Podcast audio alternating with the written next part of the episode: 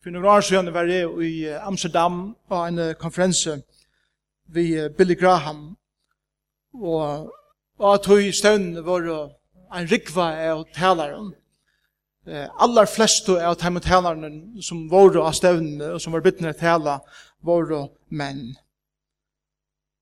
Men så en morgenen så kommer en kvinna genga de ut av scenen og utstrålar en fantastisk myndelaika, eh, utstrålar en fantastisk hjertalem,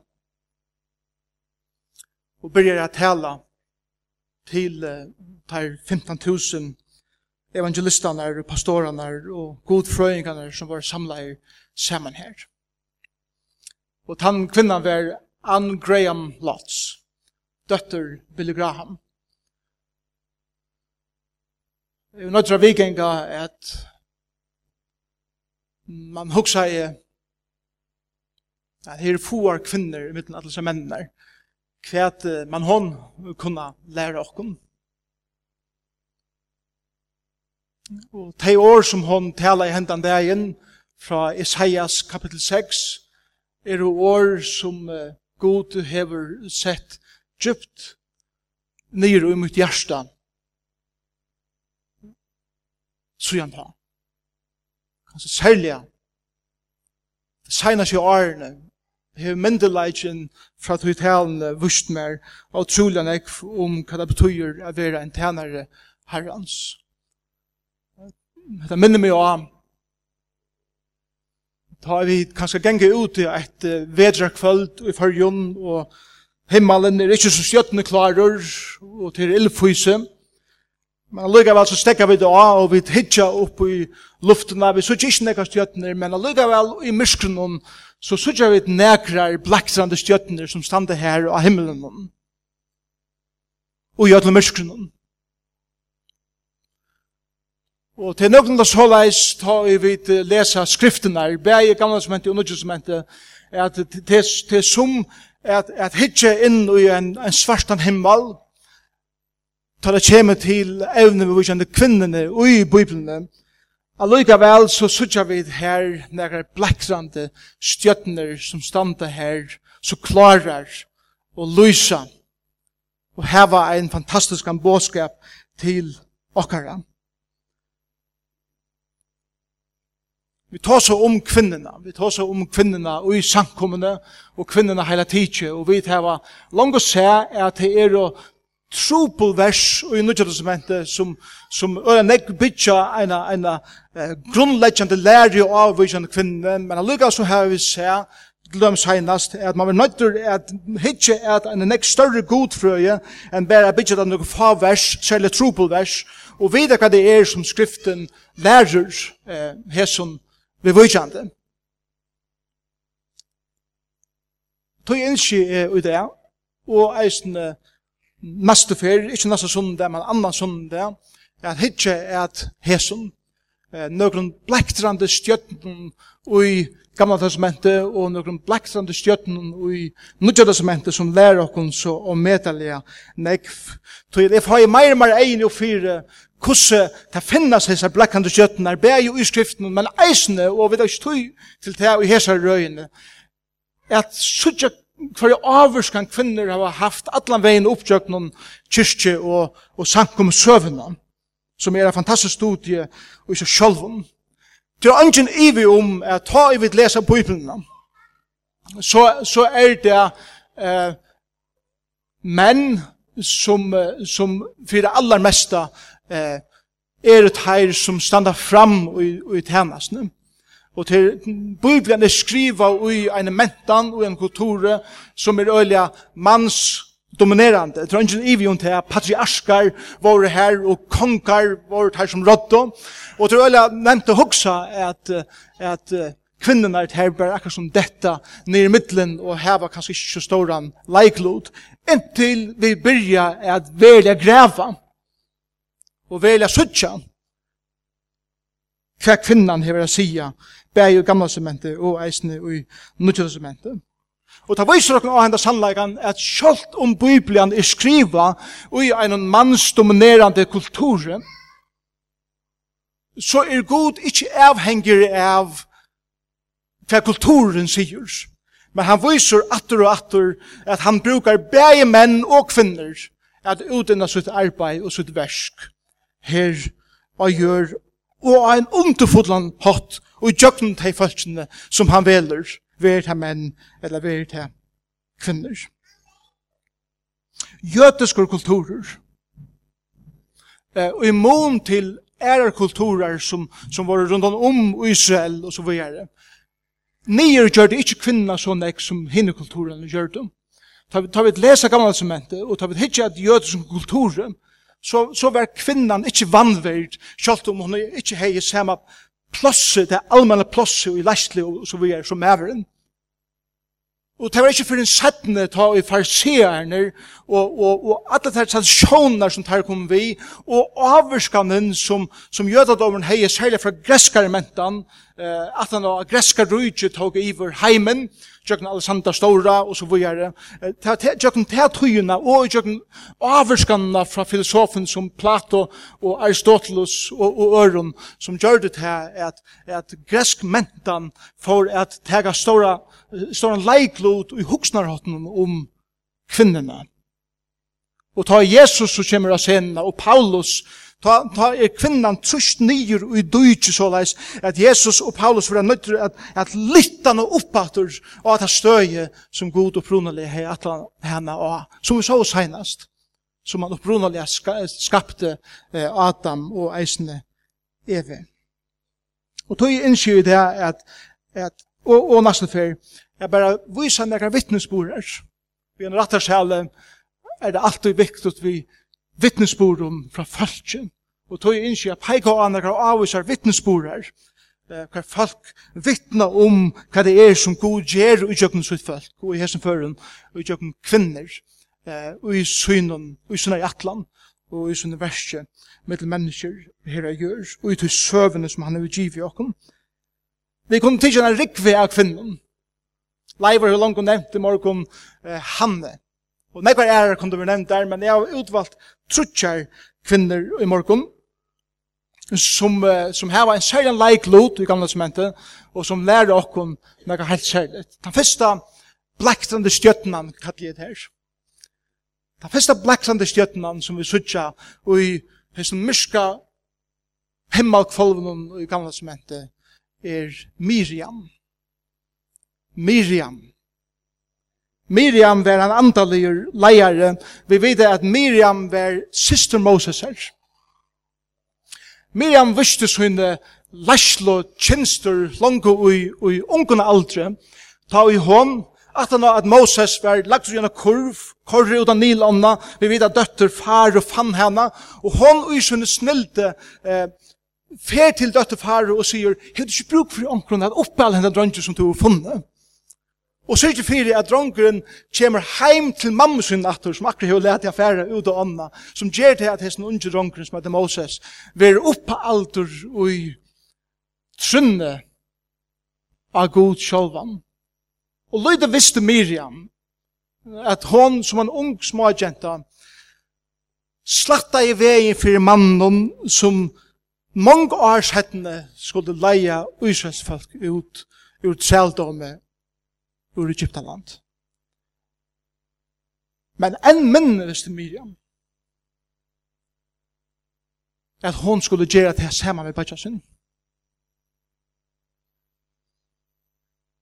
At hon skulle færa være kattla ein av teimen som god utvalgte at leia sitt folk ut ur treldomme i Egyptalandet inn i Kalovaja landet. God tjever Miriam tann vittnesboren, at ta og han hikker atter av søvna, hvordan folk var lagt ut ur Egyptalandet, var Miriam sett og en lista i vår de som God kallar for leierne som lagt folk ut ur landet. Mika profeter, Mika profeter eh, tåsar om det her i kapittel 6, vers 4.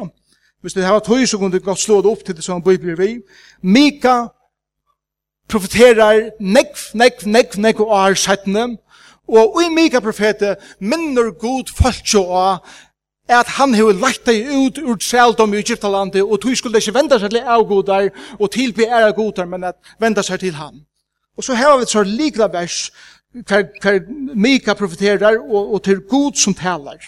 Mika 6, 4, sier så leis. er lette til, altså Israels folk, ut av Egyptalandet og løste til ur trælehusene. Og så er det det her. Og jeg sendte Moses, Aaron og Miriam er genga undan tærs. God sier det her selv. God sier selv at jeg, jeg valgte Ikke bare Moses, selv om det er han som vi ofte peker til, av maveren som, som lette seg ut, men eisne Aaron og Miriam er genga undan. Er genga undan, til er en leier, det er en person som, som gonger undan falsken og leier deg at han aser. Det har vært brukt, Isaias bruker det selv om god, hvordan han gonger undan sånne falske og leier deg, til dømes i, i Isaias 45, Lukas 16, nei, Lukas 1, vers 16, og eisen vers 46, tåsar om en, om en person som gikk undan honom som koma skuldi, og det var Johannes Støyberg. Han gikk undan og slatta i veien fyrir at Kristus skulle koma. Miriam fær sama titlen som Moses fær, og som Aaron fær, og som andre eisen få i skriften, som gengo undan, og som leia. Miriam viser tverfer i skriften om særlig eh, sunne lastle tjenester. Fyrir fyrir er i Ære Mosebog, kapittel 15, jeg nevnte det senast, beint ta i Íslandsfalket kom i iver om reiehavet, og, og vagnar faros og herren i Druknavor, og god hever bjerga dem fra futsindanden. Det første som Íslandsfalket gjerra er det at, at hei lytta rødden opp til Herren og synge honom låsong for å heva lagt deg ut ur hånd fudgjentans. Da leser vi om i Ære Mosens bok, kapittel 15, og det første versen i herbein. Men så sier uh, Moses, som skriver Mosebøkene der, særlig så leis, i, i vers 20 i 15. kapittelet, ta tog Miriam, profetinna, vil hun kalla eisne, så hun var en profeter, sister Arons, trommo i håndena, og alla kvinnerna fyllte henne etter vi trommon og danse, og Miriam skipaie søngen. Så ikke bare var Miriam en leiare som leite uh, folket ut ur Egyptan at sammen med Moses, men Miriam var en profetinna som tala i årgods, og hon var en lovsangsleiare. Så kjør vi ut teksten her på en. Og hon leite dette folket som, som, som var middelen anker heldur mövliga tver og trutjemmelig åne folk. Vi vet at det var 600.000 menn, og så kommer bøtten og, og, og kommer et træt. Så mövliga mittlen tver og trutjemmelig åne folk, leit til hon eh, og i lovsange til herran. Hon skipa i fire lovsangen. Vi leser atter om Miriam og sendte setten i fjore Mosebok. Fjore Mosebok kapittel 12. Og her leser vi om ein feil som Miriam gjør det. Miriam og Aron, de hitje at Moses, og de sier at han hever en kone som er fra, vi vet at han er fra Etiopien, og et eller annet kommer inn her, for Miriam og Aron får fordommer måter kone til Moses. Teksten sier ikke hva det er. Men ikkje berre til, de bliva eisne øvensjuk inn av at det ser ut til at Gud hever eh, utvalgt Moses at leia framafyr teg. Han, han, han brukar Moses meir som han leiara enn han brukar Miriam og han brukar eh, Aron, prest. Og det taler er at Og det får falske visar i hessen her, at, at færa i måter Moses som, som er Guds leier, sammen vid heimen. Og så hendet det her at Gud kallar Moses og Aaron og Miriam til søgn utenfor tilhalde, og han, han talar av heimen og sier, vi mina profetar og mina leirar åpenberer meg i dreimen og så videre, men jeg har valgt at vi Moses tali anlit til anlit, sjálft om ikke gjer det her vi tikkum.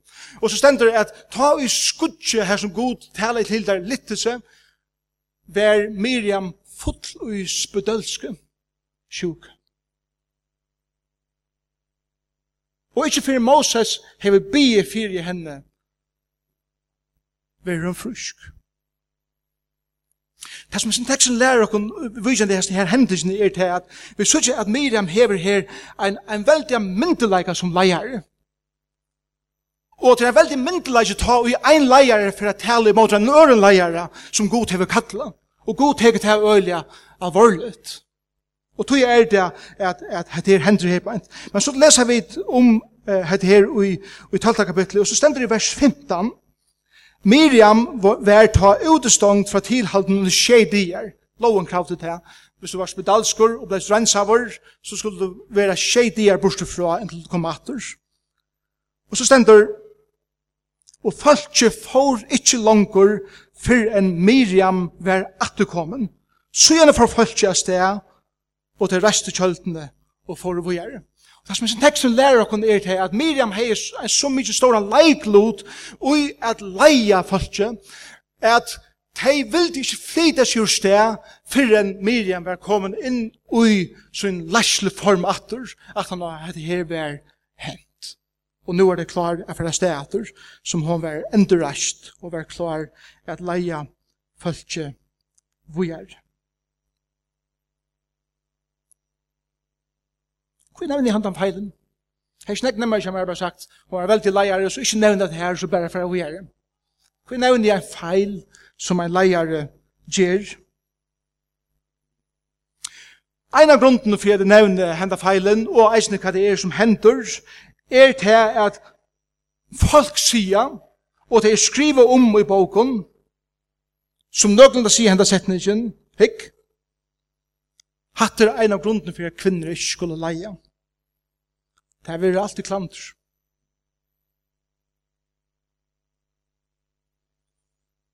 Kan jeg slukke minnen deg nå at Moses eh, var mordtare? Kan jeg minnen deg nå at Moses slapp ikke inn i lov i landet til at han ikke klarer å styre sin sinneleie? Og Gud sier at det fyrir at du ikke klarer å styre sin sinneleie, ta i han smekkar til steinen tverfer, og god er sakra vi han, du skal tala til steinen. Slapp han ikkje inn i lova i landet, han slapp bare leia falske til hadne da vuttenar som de sove inn i til lova i landet.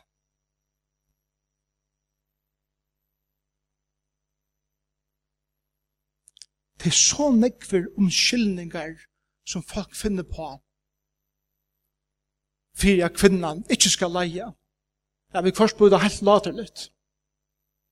Helt fra tog og onker sier at kvinnar er sindra ostabilar, der, der skulle helst ikke sleppa eh, sier du leiande posten til at det er så ostabilt. Til at onker argumenterar vysendalega fyrir at kvinner manglar et evne i hjernan som gjør det her okompetentar at kunne leia. Come on, altså.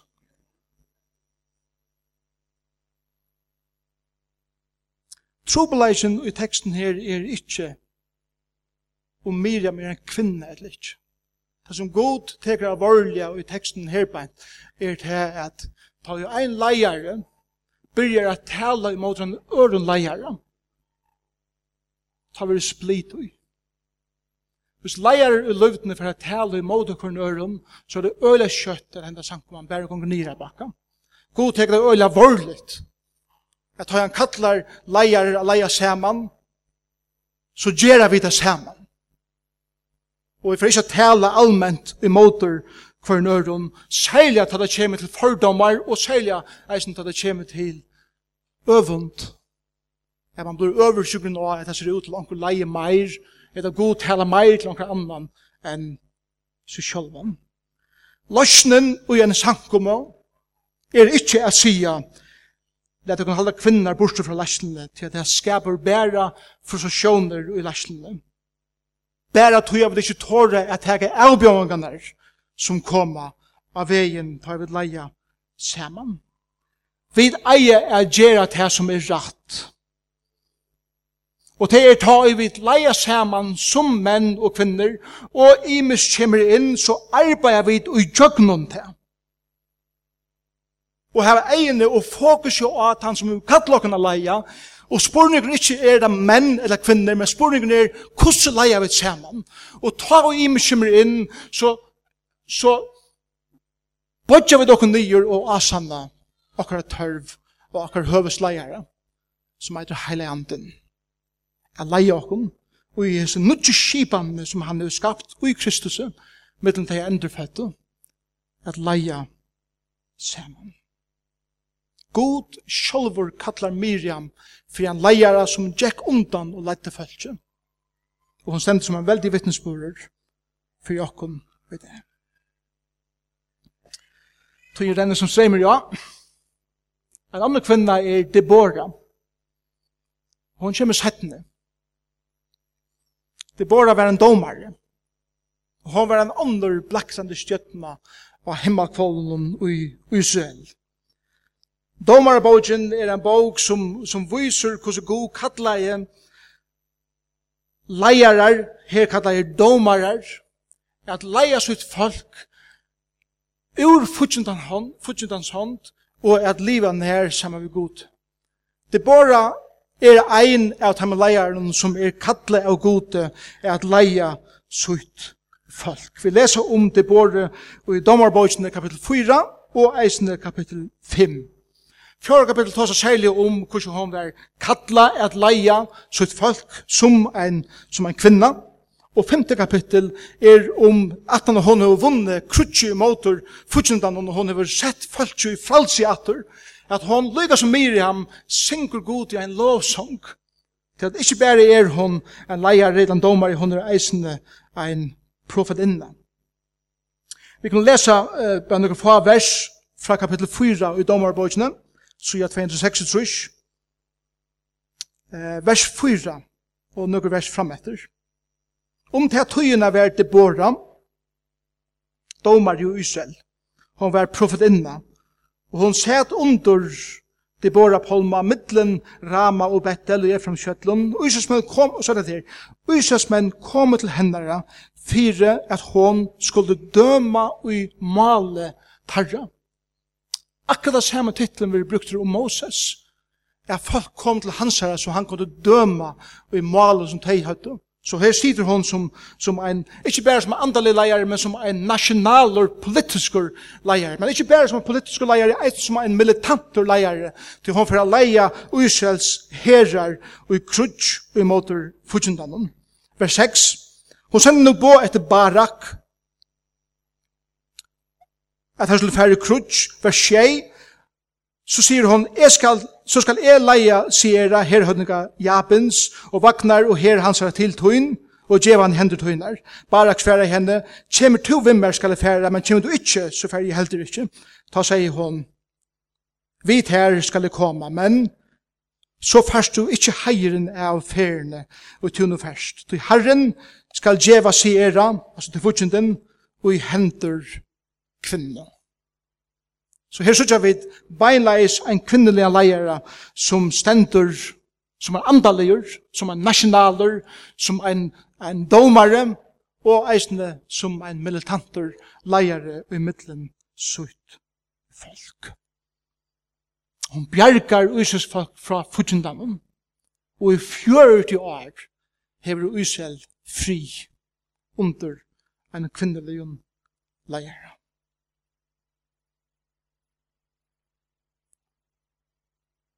Kapitel 5 er en lovsong. Vers 6, let meg lese til ham. Og Israel fattais strusman. Ja, lyka inntil er det bora steg fram. Inntil er steg fram. Måvor og Israel. Som kallar seg for en måvor og Israel. En veldig leier. Men så langt å si, ok. Vers tjei i kapitel 5, hese fyrste årene, Israel fatta i strusmenn, og tog måtte jeg komme. Hver onker sier at einas av grunden fyrir er god kalla i det båre er at leia vær tog at det var unge maver er leia bæta. Så, det var et undantek. Ja, det, når unge menn er her, så må, så er jeg nøytter at bli eina kvinna leie. Vi da ikke bruker slik argument eh, i måter kvinnen som leie og gjør det mulig en postum at det bare til menn ikke er det. Ja, er i pura samtidig i at at det er sørgelig at jeg sier hvordan menn skakar seg rundan og apert og ikke vilja tega laslo og ikke vilja teka av apert som vi eia, bæg i heimen og eisen samtkomne, og eisen i samfunnet. Men det betyr ikke til at så tar menn endelig teka av apert, så kunne kvinna flytta seg etter til, nu kommer vi ut. Det er ikke det som skriften lærer, det er ikke anden i, i teksten her på en. Det som god lærer okken her er til at, at han, han kallar folk, og han gjevet dem en hjertemål, han gjevet dem gaver, han gjevet dem en passion til noen ting som han legger ut i.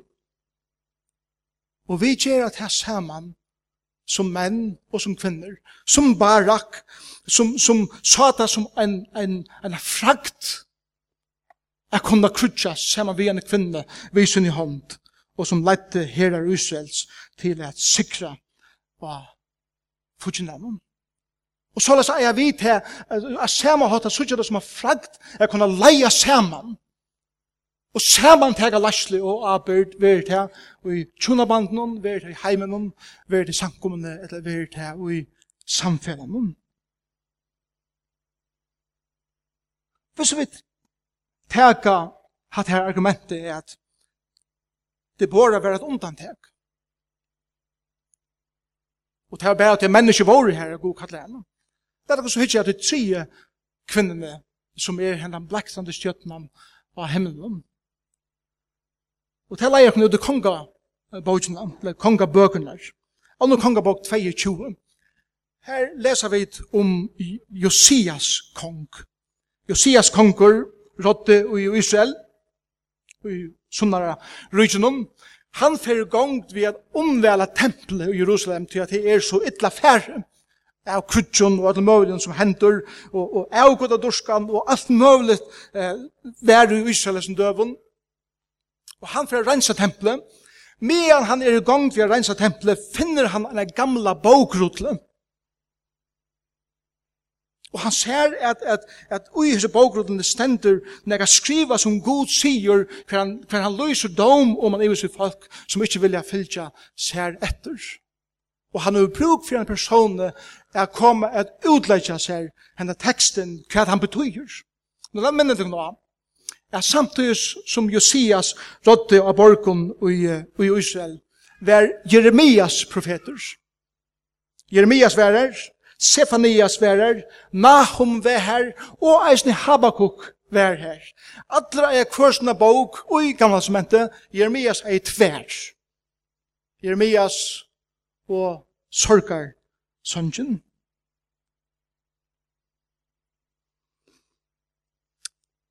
Han kunde godt valgt her profetene, men han fer til en annan profet som eitur Hulda eller rettare sagt, eina profetinne, som eitur hulta. Og sender folk til hennara, forbo Jeremias, Sefanias, Nahum og Habakkuk, at få henne at utleggja teksten som er funnen i bokrotlene i tempelen. Og han sier såleis i er kongabok kapitel 22, «Fær jo spyrje herran fyrir meg, fyrir fölkje, og fyrir alt jota om det som hese bók stendur og i funnen er. Tu stor er vreie herrans, og i brenner motor okkom, Jeg tror jeg fedrar okkara hava ikkje akta årene i hese bók, og hava ikkje gjørst alt det og i okkom i fyrir kipa. Så får negre menn, as det er fullt av nøvnen som ikkje stod i uttala, tar foran ut til Hulto, profetinno, som var gift Salom. Og så får vi familien her på ent. Hon bor i Jerusalem og i til nødja bojarparsen.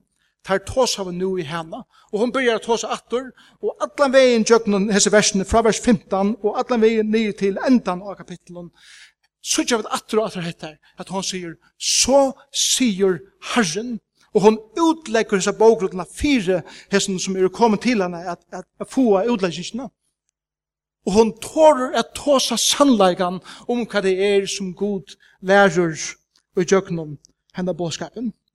Tar færre atter til Josias vi hesson bånum fra Holto og Josias som hever en veldig viring for Guds talsmanne om det er mer eller kvinne ikke spurning fra Josias. Spurningen er hva er det som Herren sier. Og ta og Josias høyrer hva det er som teksten sier, så får han i gang vi et, et nasjonalt tiltak, hver han rensar bostur allar avgodar, allar offerhekkar, eller hekkar som er setter upp til å offre alle avgodar, all avgodar diskan og, og skamløys og synd for å rutta bostur ur landen Og fyrste fer og i flere, flere atterlig vera posten i hilden atter og i, i selv hvis det er tog, at Ísraelsmenn glemte at halda postur.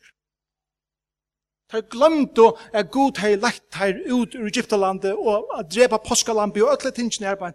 Glemte de tøy at hei adventsar er ære Gud her. Hulta, som utlegger år Guds, gjer til at alt landet ver fullkomlig kolvelt og folk vender seg atter til Gud og begynner å offra atter. Men vi kunne nevnt nekvar ærer kvinner, i hugsa om og tredje kvinna, og 31 kvinna, det er en kvinna som alle menn leit etter, det er årtøysene tredje kvinna. Jeg kallar han bare og tredje kvinna. Joka bet, mor Moses her, Jael, eller kvinnan i Sunem, eller Abigail, som David giftes vi, og er kvinner, men stunder er sjående ikke til, til tess. Men i ljósen er av tog, som nekv utleggja Nudja testamentet fyrir at læra, så hadde Miriam, Deborah og Hulda ikkje slapp jeg gjørst testen til å gjøre det gamle testamentet og i Nudja testamentet. Miriam hever bina tia og ikkje leia. Det borde her i byen at trakka ur leislene og ikke leia Guds folk. Og holda her i byen at tia og still leta seg læra. Kan det bare til? Og i ljósen av vittnesboren som god djever kvinnen som han har brukt der, at det er slukt attersti til det kommer til nødgjøsmentet, at det er bare sett til suyes, og er ikke brukeligere, og i teimen av avvis og tænasten som god brukte kvinner i gamlesmen til, at det ikke kunne brukes noe til venger. Er det mulig? Etla. Skulle vi lesa hese trobelversene vi øren eion som gjev okken heldre en heldre mynde av hva det er som alt skriften lærer heldre enn at tega noe trobelvers og gjer at det er lov iver ötlun verden. Så, som i ende, Vi har lagt negrar grundarsteinar fire tog som, som er reina gjerra i jøkken sitt helnar. Det første er vi har noen og medela trobelvers som nyttelsesmentet som sier ut til at tala eh, en båskap for kvinna vil sett til suyes under noen avvisen oppgaven i samkommende. Spurningen er, er det så? Det neste som vi har, har lært er til at vi skapene søvne som tar seg om senast, standa mever og kvinna saman og roa iver og leia skapana vers god, to fullkomlig imisk, som mever og som kvinna, leia harmonist. Det tria grunderleie som, som, som jeg leitje er hettar, er at syndafallet breit harmoniska einleikan som vær i middelen mannen, mannen og kvinna, og dominansan og maktsjukan kom inn, og vi eier ikke å bygge av det her. Men for det fjorda, vi eier er bygge av endurføringene som er givet, som er givet okken i Kristus, og er givet okken nødjan kapasitet, er at ikke bare for at til syndafallet, men for at til skapende verset, og liva som god og fronalega, skapte mann og kvinne til at liva saman. For det finta, vittnesporen om menn og kvinner er det ønsken ivi om at vi lever i en mansdominerande søve, da vi leser skriften her, og hun skriver i en mansdominerande patriarkisk kongalion kulturen. Men han lykker algever god og hun der nekra stjøtner som glimtra av himmelen om hvordan han eisen hever brukt og nøyt kvinnerne og i synen verskje, middelsut folk, eisne i leiande posisjonen. Og tog eier vil ikke peika av at dette er best noen undantøk, men er god brukar kvann han som vil, og at han ikke avhenger av hva kulturen gjør, men han gjør sitt versk ui kulturen, akkurat som han vil sjolver. Så fyrir det satt han, Tui sko vi hugsa okkum vel om åren vi feia alla hessa vittnesborene av borunum og sia at det er noen få trobelvers i nødgjødelsesmentet som skulle seta dagsordene fire hvordan alt skal vera.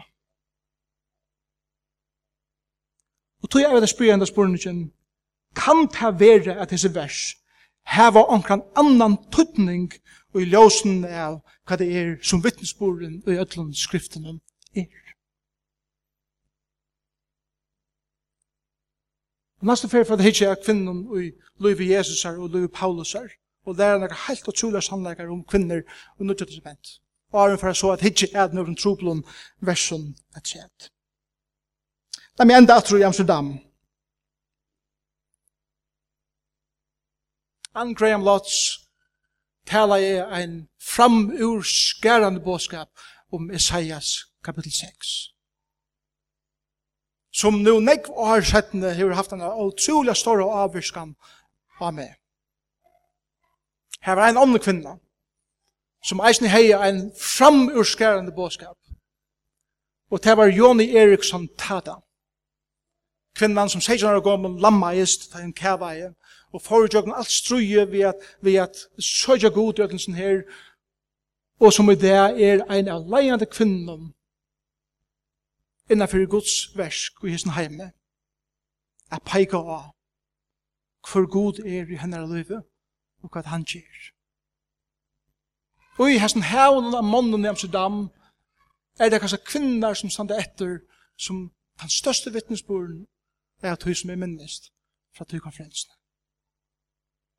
Sama vi nøkker få om ånden som eisen høyden er veldig avvirskan Amen. Og, og, og i ljósen er hva jeg sjálf har opplivet, og i ljósen er hva jeg halde Bibelen lærer, så eier vi at livet som er folk som sier god er ikke avhengig av om det er maver eller kvinna som han kallar å gjøre sitt versk. Men han kallar menn og kvinner å gjøre sitt versk som han nu kallar deg til. Og det skulle vi respektera. Og ikke tale mot oss, Da han gjør sitt versk, vi tjokken menn, vi tjokken kvinner. Amen.